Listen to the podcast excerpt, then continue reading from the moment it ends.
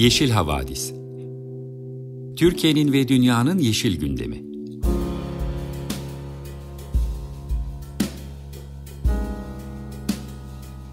Hazırlayan ve sunanlar Demet Yaman Er, Savaş Çömlek, Dilan Altın Makas, Sare Abit ve Tansu Yeşilkır.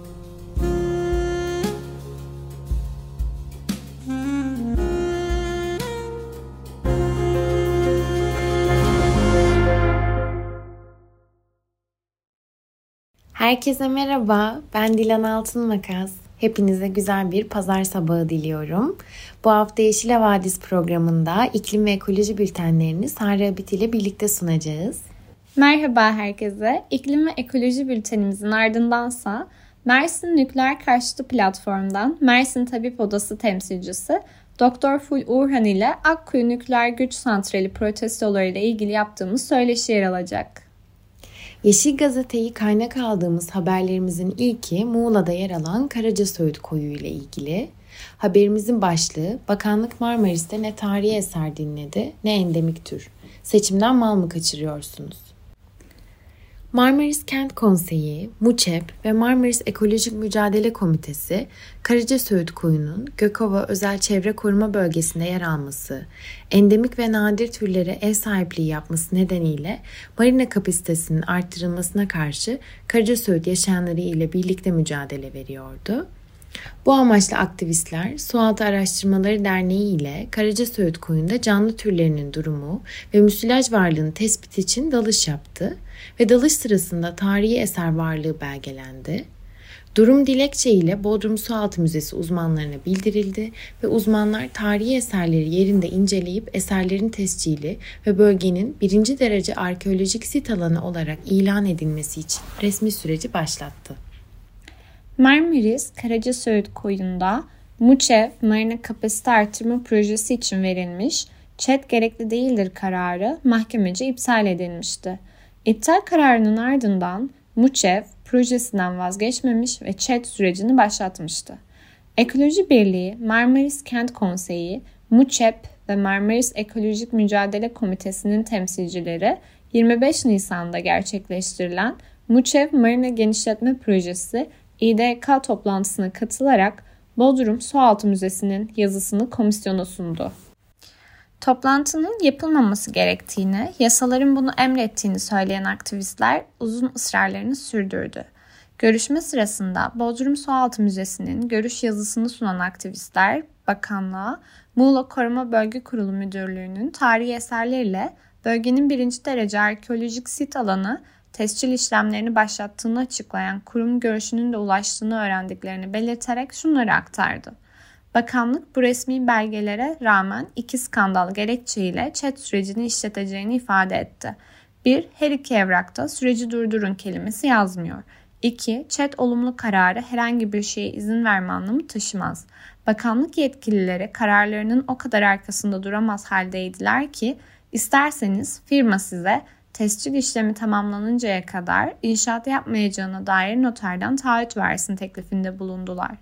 Noteri garantör olarak gören, gücünü ve iradesini şirketlere teslim etmiş bir bakanlıkla kamu yararı, kültürel miras koruma üzerine konuşacak bir şey kalmadığı için chat sürecinin durdurulması talebimizi içeren dilekçeyi vererek bakanlıktan ayrıldık.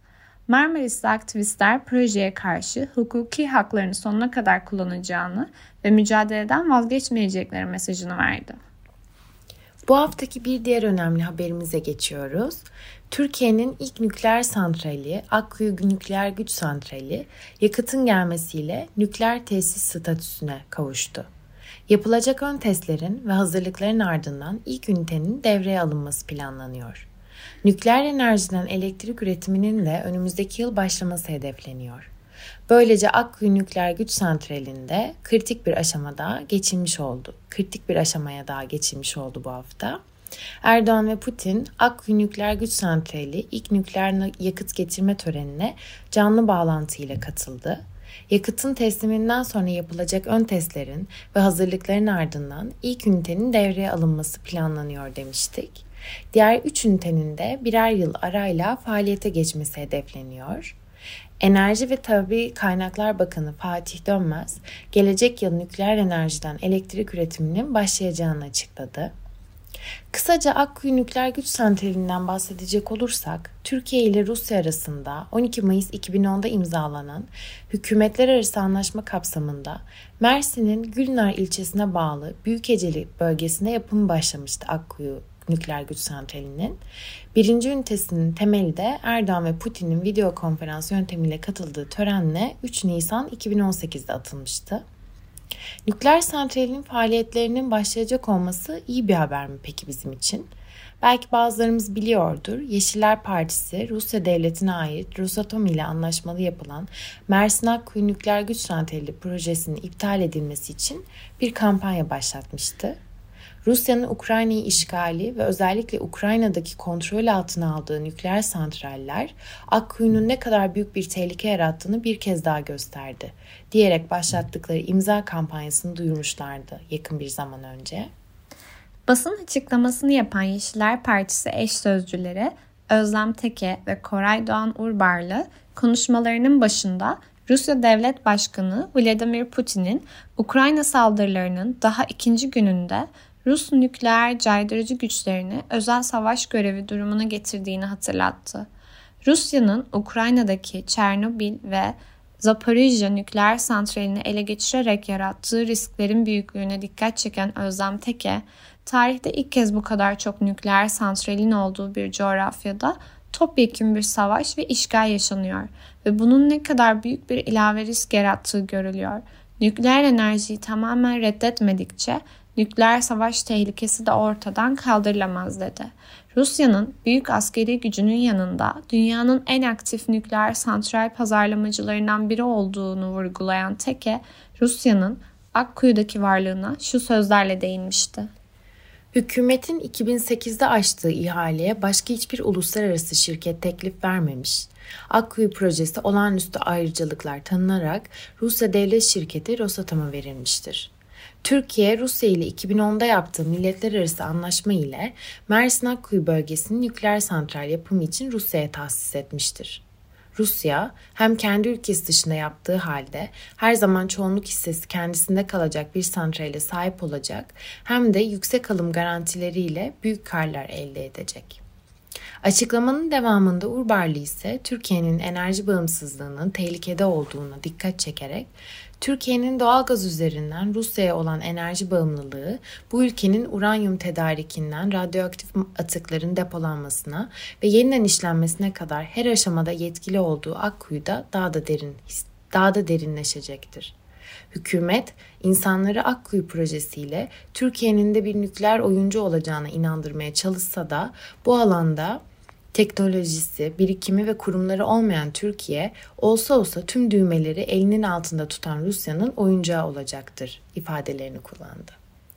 Açıklamalarının sonunda Yeşiller, Türkiye savaş durumunun yarattığı ekstra güvenlik risklerini değerlendirerek Rusya'nın yapımını sürdürdüğü Akkuyu nükleer santralinin inşaatını durdurmalı ve projeyi iptal ederek Rusya ile yapılmış anlaşmayı gerekirse tek taraflı olarak feshetmelidir.'' Nükleersiz bir Akkuyu, nükleersiz bir Türkiye ve nükleersiz bir Akdeniz hem ülkemiz hem de bütün dünya için daha güvenli, daha barışçı, daha temiz bir gelecek anlamına gelecektir. Rusya'yı Akkuyu'dan gönderin sözleriyle herkesi kampanyaya katılım göstermeye çağırmıştı. Bizler de bu gelişmeler üzerine size Yeşiller Partisi'nin bu konudaki duruşunu ve kaygılarını tekrar aktarmak istedik. Akkuyu ile ilgili bir diğer haberimiz ise şu şekilde. Mersin Nükleer Karşıtı Platform üyeleri Akkuyu Nükleer Santrali'ne ilk yakıtın verilmesi dolayısıyla düzenlenecek tören saatinde santralin yapıldığı Gülnar'da olmak üzere çıktığı yolda jandarma ve polisler tarafından durdurulmuş. Jandarma göstericileri santral kapısına yaklaştırmamış maalesef. Otobüsleri durdurulan aktivistler nükleere geçit yok pankartlarını açarak baskılar bizi yıldıramaz sloganları atarken jandarma olaya müdahale etmiş. Müdahalede Türkiye İşçi Partisi milletvekili adayı Hakan Güneş, Hasan Uğur ve bir kişi daha gözaltına alındı. Yeşiller Partisi'nin eş sözcüleri Özlem Taşdemir Teke ve Koray Doğan Urbarlı da olay yerinde yaşananları şu şekilde özetledi. Rusya ile Türkiye arasında imzalanan anlaşma uyarınca yapılan Akkuyu Nükleer Santrali'nde yeni bir aşamaya gelindi. Santralin ilk ünitesine nükleer yakıt getirildi. İlk nükleer yakıtın verilmesi dolayısıyla Akkuyu NGS sahası içinde Türk ve Rus yetkili makamların katılımıyla tören düzenlenirken Mersin Nükleer Karşıtı Platform bileşenleri de santral bölgesine, ge- bölgesine geldi. Araçlarından santral yolunda indirilen nükleer karşıtları jandarma barikatıyla karşılaştı. Bazı nükleer karşıtları yere yatarak töreni protesto etti.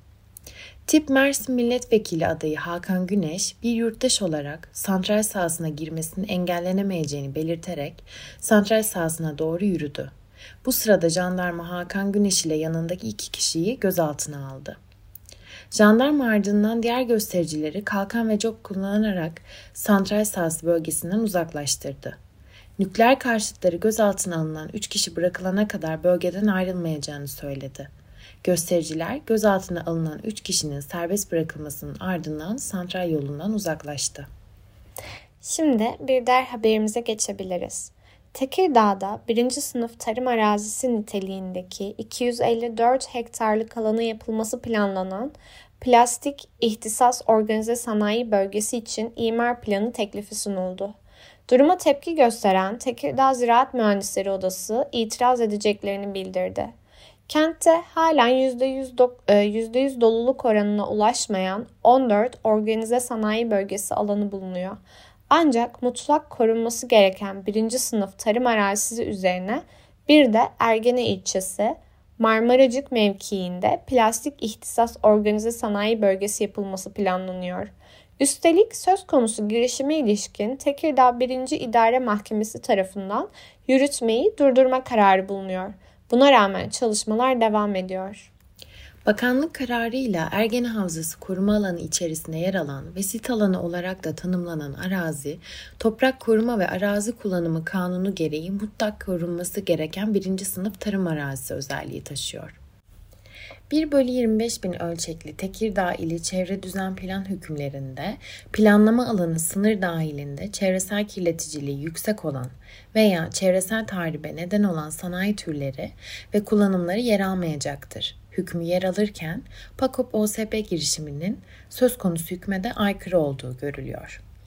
Yapılmak istenen OSB'nin imar mevzuatına 1 bölü 25 bin ölçekli il çevre düzen planı ile üst ölçekli bölge planının hedef ve ilkelerine Tekirdağ İl İdaresi ve Danıştay'ın devlet organlarının ba- bağlayıcı şekilde ortaya koyduğu mahkeme kararına açıkça aykırı olduğu kaydediliyor.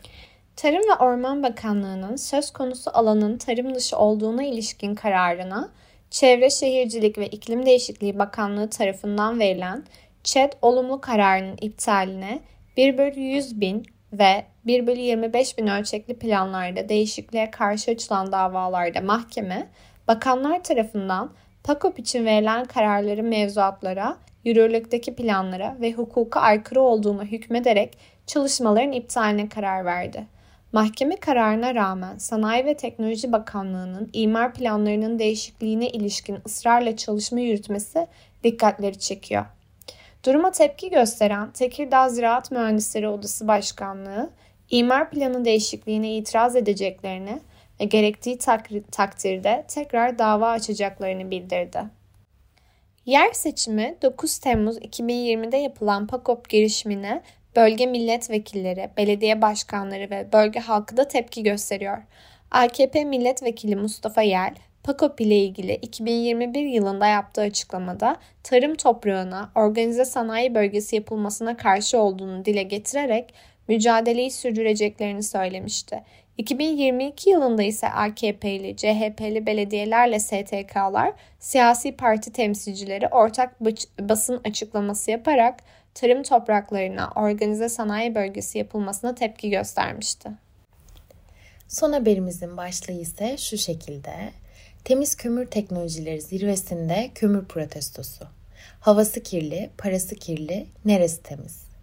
İnsan kaynaklı iklim krizi gerçeği ve Türkiye tarafından onaylanan Paris Anlaşması'na rağmen Enerji ve Tabi Kaynaklar Bakanlığı'nın desteğiyle Türkiye Kömür Üreticileri Derneği tarafından düzenlenen 4. Temiz Kömür Teknolojileri Zirvesi 24-25 Nisan'da Ankara'da gerçekleşti. Kömürder Genel Müdürü Hasan Hüseyin Erdoğan'ın açılış konuşması sırasında Greenpeace Akdeniz Genel Direktörü Ersin Tek, havası kirli, parası kirli, neresi temiz yazılı pankartla ve düdük sesiyle kömürde ısrar eden karar vericileri ve endüstriyi protesto ederek iklim aktivistlerinin yıllardır süre gelen iklim için ses ver çağrısına cevap verdi. Barışçıl bir şekilde mesajını veren Tek, güvenlik görevlilerinin müdahalesi sonucu salondan çıkartıldı. Paris Anlaşması'nın 2016'da yürürlüğe girmesinden 5 yıl sonra Türkiye, 2021'de anlaşmaya taraf olarak 2053 karbon nötr hedefini açıklamıştı. Ancak bu açıklamayı takip eden eylemlerin anlaşmaya zıt düşmesi Türkiye'nin yanlış bir politika izlediğini gösteriyor. İklim kriziyle mücadele için 2030 yılına kadar yeni fosil yakıt yatırımlarının durdurulması ve mevcut olanların hızlı bir şekilde kademeli olarak ortadan kaldırılması gerektiği halde Enerji ve Tabi Kaynaklar Bakanlığı'nın 2023 Ocak ayında yayınladığı Türkiye Ulusal Enerji Planı'na göre kömürün enerji üretimindeki toplam payının yükseltilmesi öngörülüyor. Türkiye'de verilen taahhüde rağmen atılması gereken adımların aksine temiz kömür teknolojileri zirvesi gibi etkinlikler finansal ve sosyal yatırımlarla devlet eliyle desteklenirken içinde yaşanılan coğrafya kömürlü termik santraller yüzünden büyük bedeller ödüyor. Sağlık ve Çevre Birliği'nin raporuna göre 1965-2020 yılları arasında açılan ve hala 16 ilde faaliyette olan kömürlü termik santraller 55 yılda toplamda 4,8 trilyon TL sağlık masrafına ve yaklaşık 200 bin erken ölüme neden oldu. Dünyamız olağanüstü bir krizle karşı karşıya. İklim krizi hepimizin geleceğini tehdit ediyor. Bir an önce iklim krizinin baş sorumlularından olan kömüre dayalı olan zararlı, eski ve kirli teknolojilerden uzaklaşmamız gerekiyor. Türkiye'de ise bırakın kömürden çıkış için somut adımlar atmayı, bu teknolojilerin aklanmaya çalışıldığını görüyoruz diyen Greenpeace Akdeniz Genel Direktörü Ersin Tek, konuya ilişkin yaptığı açıklamada, bilimsel raporlarla 55 yılda yaklaşık 200 bin erken ölüme sebep olduğu ortaya konan termik santraller mi temiz diye sordu. Bu haberle birlikte de bu haftaki gündemlerimizin sonuna geldik. Şimdiden 1 Mayıs İşçi Bayramınız da kutlu olsun. Sizlere Castle Beat'in Change Your Mind şarkısıyla veda ediyoruz. Günaydın sevgili dinleyiciler. Açık Radyo 95.0 Yeşil Havadis programını izliyorsunuz. Dinliyorsunuz daha doğrusu. Ee, bugün nükleer konuşacağız. Yine geçen iki hafta olduğu gibi söyleşi köşemizde. Bugünkü konuğumuz emektar bir aktivist. Mersin Nükleer Karşıtı Platform'da onlarca yıldır mücadele eden bir doktor. Doktor Ful Uğurhan. Aynı zamanda Mersin Tabi Odası temsilcisi. Geçen hafta Mersin'de nükleer karşıtlarının Akkuyu Nükleer Santrali çevresinde yaptıkları e, protestolarda aktif olarak yer aldı kendisi. E, bu yüzden kendisiyle hem e, nükleer karşıtı mücadelenin tarihiyle ilgili hem e, bu hafta olup bitenlerle ilgili, Akkuyu Nükleer Santrali'nde olup bitenlerle ilgili hem Mersin halkının bu konudaki görüşleriyle ilgili konuşacağız. Hoş geldiniz Doktor Fulan'ım. Hoş bulduk.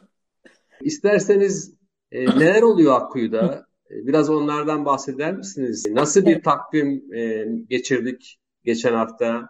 E, ne durumdayız? Cumhurbaşkanı e, bir açılış yapma niyetindeydi orada anlaşıldığı kadarıyla. Bir siyasi şov, bir gösteri olacaktı. Evet.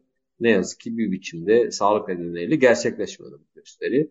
Ama nükleer karşıtları Akkuyu Nükleer Santrali'nde yerlerini aldılar ve protestolarını yaptılar. Sosyal medyada izleyebildiğimiz kadarıyla ana akımda ne yazık ki yeterince yer bulmadı. Siz aktif katılımcı olarak bize biraz olup bitenlerden bahseder misiniz? Evet. Şimdi biz aslında Cumhurbaşkanı'nın katılması, katılamamasını sağlık sorunlarından değil de bizim protestolarımız nedeniyle e, çekindiği için gelmediği şeklinde olmasını dilerdik tabii.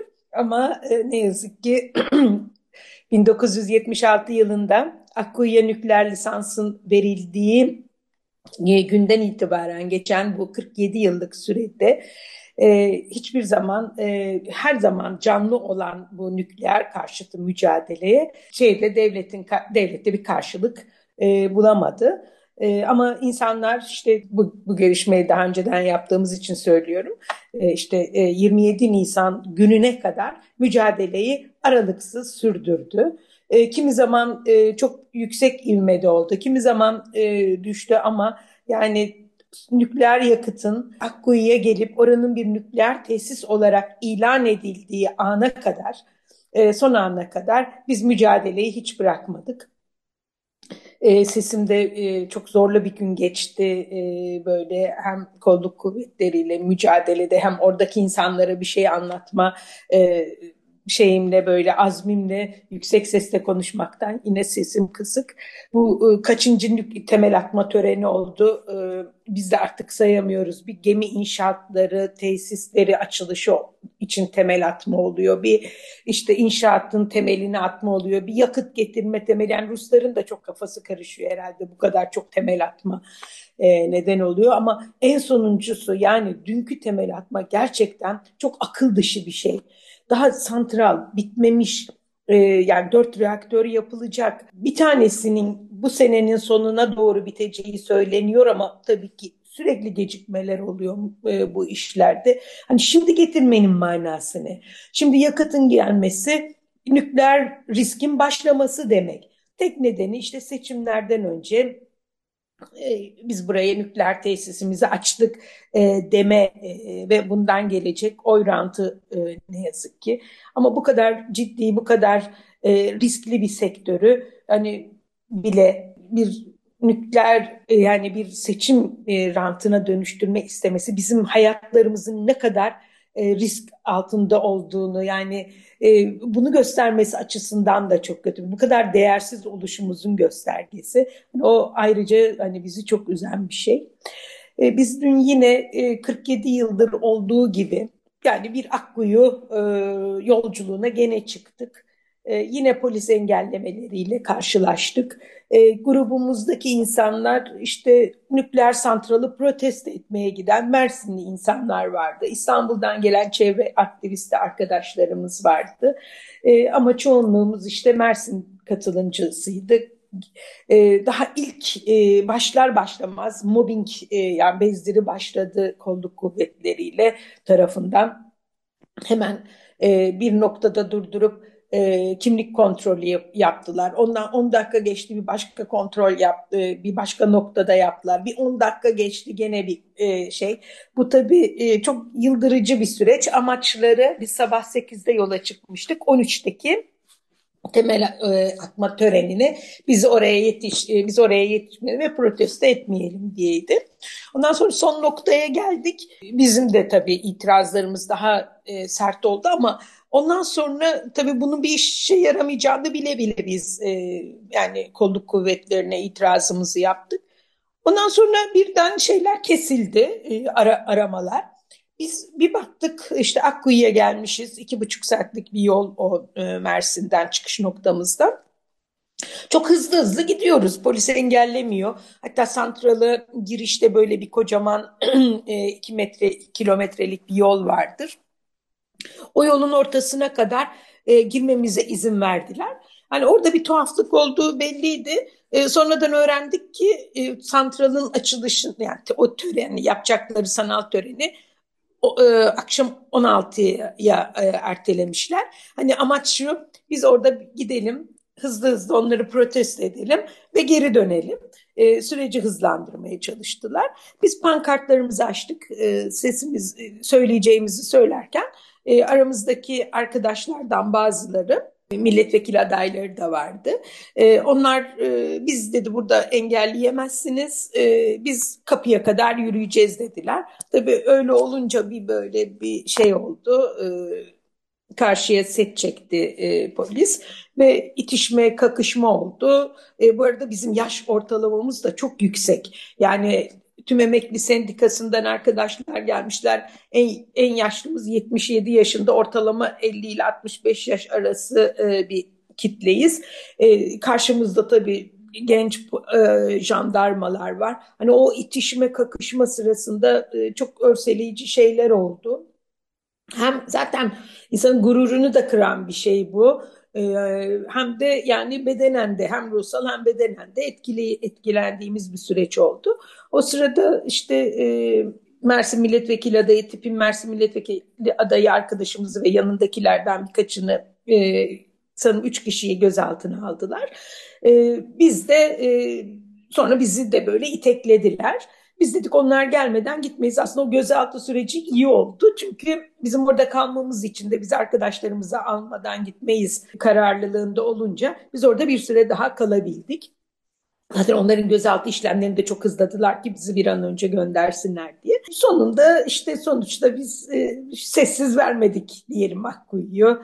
Bir kez daha karşı olduğumuzu bütün dünyaya oradan ses çıkararak yaptıklarının e, bir seçim rantı olduğunu yüzlerine vurarak e, öyle e, oradan bir ses çıkardık. Dünyaya duyurmaya çalıştık, ülkemize duyurmaya çalıştık. Elinize, emeğinize sağlık. İyi ki yaptınız. Tabii kolluk kuvvetlerinin ve mevcut hükümetin deneyimli aktivistlerle baş etmesi de zordur mutlaka. Ama evet. tabii bu e, bir tarafıyla güzel bir şey. Geçmişte nükleer karşıtı hareketin ülkemizde bizim çok güçlü olduğunu, çok etkili olduğunu biliyoruz tabii ki. E, evet. O günlerin etkisiyle yaş ortalamasının yüksek olduğunu söylemek e, yanlış olmaz sanıyorum. Evet. Ama daha yeni nesil, daha yeni jenerasyonun nükleer karşıtı hareket içerisinde e, daha az aktif olmasının bir sebebi var mı sizce? Bunu izah etmek mümkün mü? Çünkü aslında onların geleceğini ilgilendiren bir durum bu.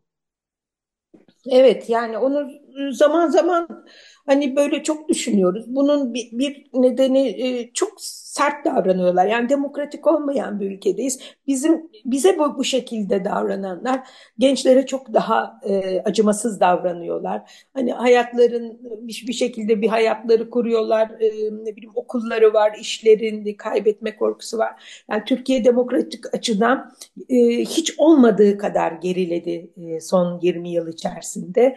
Hani gençler e, o nedenle belki geride kalıyor olabilirler. Belki de e, yani yeni nesil daha çok bu e, aktivizmi internet üzerinden yani e, sosyal medya üzerinden e, götürmeyi akılcı buluyordur. Yani hakikaten kuşak farkı diye bir şey var. E, e, yani onlar çok daha hızlı kullanıyorlar sosyal medyayı. Mesela biz orada bu bunları yaparken onlar çok hızlı bir şekilde ulaştırabildiler bilgileri. Bizim aramızda hani bunları e, hani daha e, az bir kesim sosyal medyayı bu kadar gençler kadar etkin kullanıyordur. Hani belki o da olabilir. Yani artık e, hem baskıların yoğunluğu hem de mücadelenin seyrini başka yönde e, e, sürdürmek isteği olabilir. Artık kimin haklı olduğu, kimin doğru olduğunu zaman gösterir.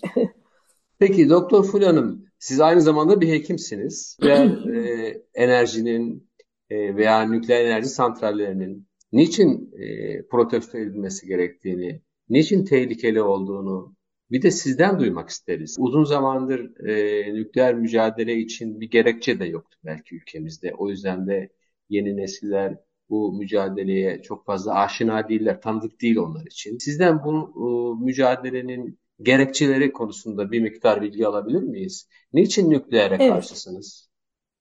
Evet, şimdi bu e, nükleer santraller hem normal çalışma koşulları sırasında atmosfere yaydıkları radyoaktif maddeler hem de e, bir kaza oluşumu sırasında çok yoğun bir miktarda atmosfere salınan radyoaktif maddeler nedeniyle insan sağlığına zararlı olduğunu biz bilimsel çalışmalar, kanıtlarla biliyoruz.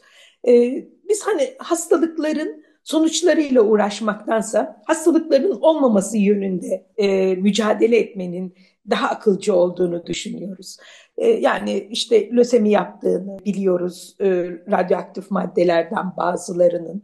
Tiroid kanserleri yaptığını biliyoruz. Yani biz sonuçları üzerinden bildiğimiz için insanlara bak bunu olmazsanız bu oluru e, söyleyebiliyoruz.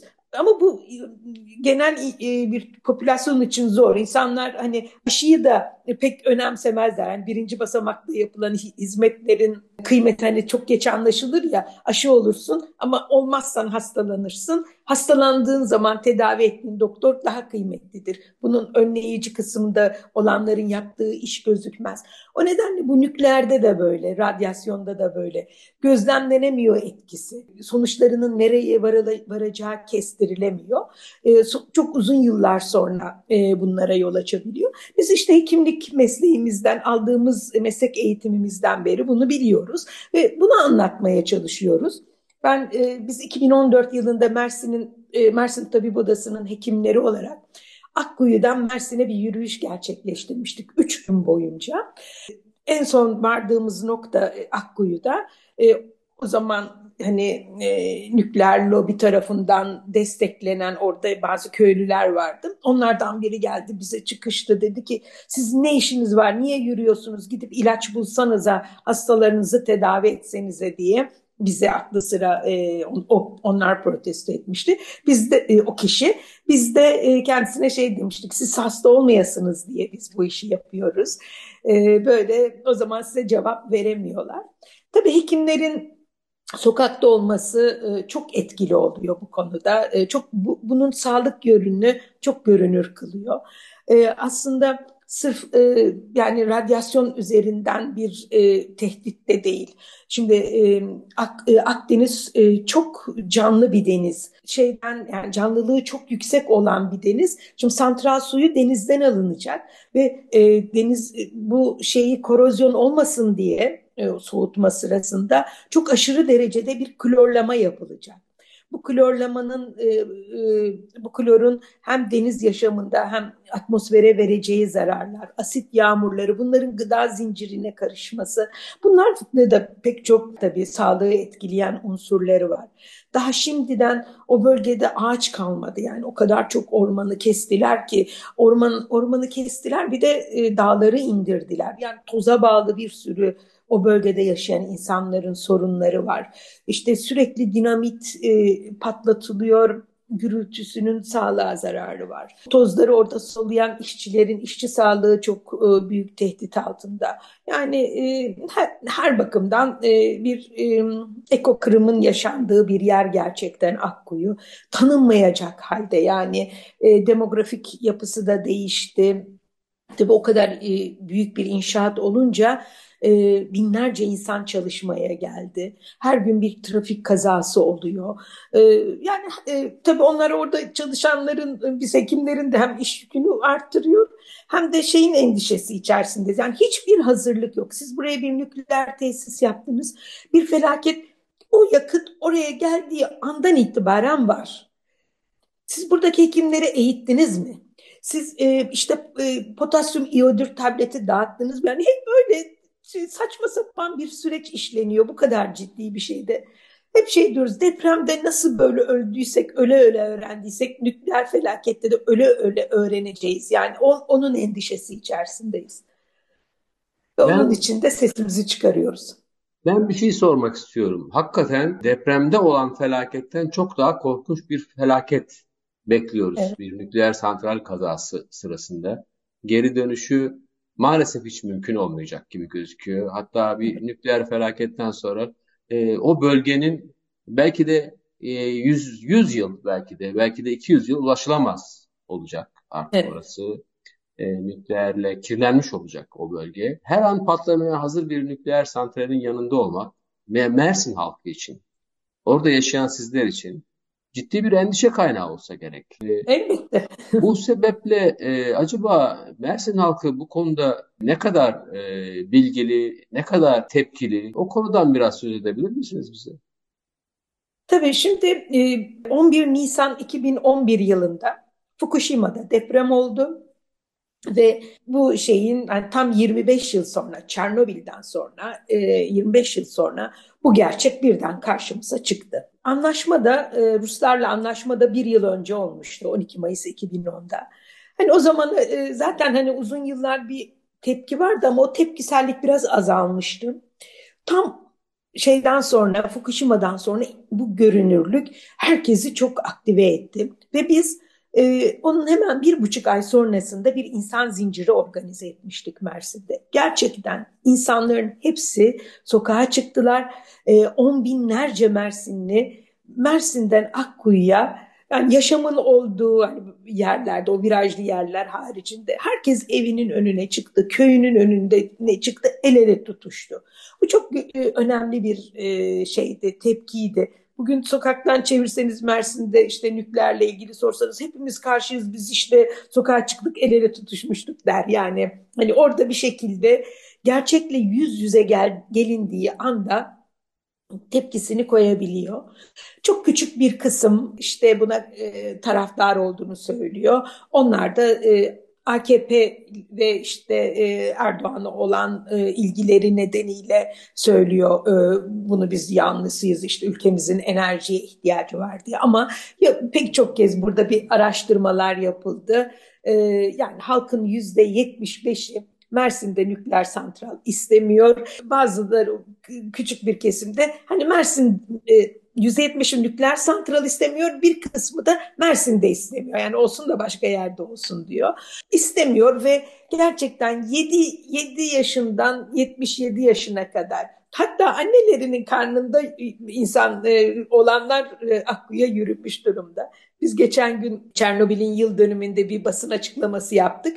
Orada bir tane 8 yaşında Belkin'imiz var. Onu da konuşturduk. Çünkü o annesinin karnında yürümüştü Akkuyu'ya e, nükleer santral istememiş, istemediğini de orada çıktı söyledi e, çocuğumuz 8 yaşında. Hakikaten hani hem burada istemiyorlar hem Türkiye'nin her yerinde istemiyorlar. Hatta dünyada istemiyorlar. Yani o konuda çok bilinçli bir e, kitle var. Ama işte bize rağmen de e, santral e, bu sürece geldi. E, biraz yorgunluk oldu tabii yani hani sürekli sürekli sokağa çıkmak, sürekli sürekli hayır de, demek gerçekten çok yıpratıcı bir süreç.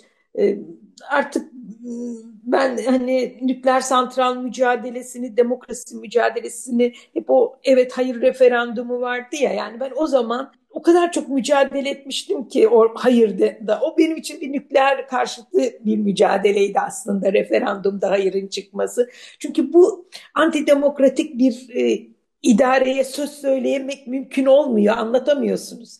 Ne yaparsanız yapın e, hep havada kalıyor. Daha orada böyle bir e, çok olumsuz bir sürece girdiğimizi biliyoruz. Ama yine de eğer ki iktidar değişirse yeni gelenlere derdimizi anlatmanın daha kolay olacağına inanıyoruz. Çünkü yapılan anlaşma Türkiye'yi ne sonunu getirecek de bir anlaşma olabilir. Ee, yani Türkiye orada bir şeyde bir kaza olsa kazanın sorumluluğu Türkiye'de, malın sahibi başkası ama sorumluluğu bizde. E, Türkiye düşünün Fukushima gibi bir şeyde bir trilyon dolar borcun altına gize kalkabilir mi bu ülke? Bu ülkeyi batıracak proje olabilir. E, alım şartları çok yanlış. Yani şu an 5 nokta e, 30 sanırım e, maliyeti olan dolar sent olan şeyi biz 12-35 dolar sentten alacağız. Bu kadar pahalı enerjiyi e, Türkiye nasıl karşılayacak? Tıpkı köprülere, şehir hastanelerine verdiğimiz garantiler gibi bunlardan elektrik bu pahalı elektriği almak e, zorundayız. Yani bunları ülke en azından ekonomik anlamda bırakın hani bu sağlık risklerini, çevre risklerini yapılan anlaşma gereği e, ekonomik de büyük bir risk altında. E, sonuçta e, nasıl anlaşma yapılmışsa iptal de edilebilir. Hani neyse parası ödenir çünkü zararından doğacak parayı öde, ödemek çok daha büyük bir risk. Sanırım e, yani dilerim e, yeni gelen iktidarlar bunu e, başarabilirler diye düşünüyorum. Çok teşekkür ederiz Doktor Fulan'ım bize verdiğin bilgiler için. Gerçekten de bu projenin ülkeyi batıracak bir proje olduğu konusunda hemfikiriz. Umarım zarardan bir an önce dönülür. Dileğimiz o. Emektar e, aktivistleri, e, emektar e, nükleer karşıtlarını ne iktidarlar gelip geçti yıldıramadı. Bu da tabii ki yıldıramayacaktır. Biz bunu zaten her gün sosyal medyada gördüğümüz videolardan e, yaptığınız gösterilerden görüyoruz, izliyoruz. Emeğinize, elinize sağlık. Çok teşekkür ediyoruz. Hem ülkemiz hem yeni nesiller size e, borçlu. Onlar adına da size teşekkür ediyoruz. Sevgili Çok dinleyiciler programımızın sonuna geldik. Bir sonraki programda görüşmek dileğiyle. Şimdilik hoşçakalın. Bu haftalık Yeşil Havadis programımızın sonuna geldik. Sizlere Vasti Bunya'nın I'd Like to Walk Around Your Mind şarkısıyla veda ediyoruz. Bir sonraki hafta görüşmek dileğiyle. Hoşçakalın. Hoşçakalın.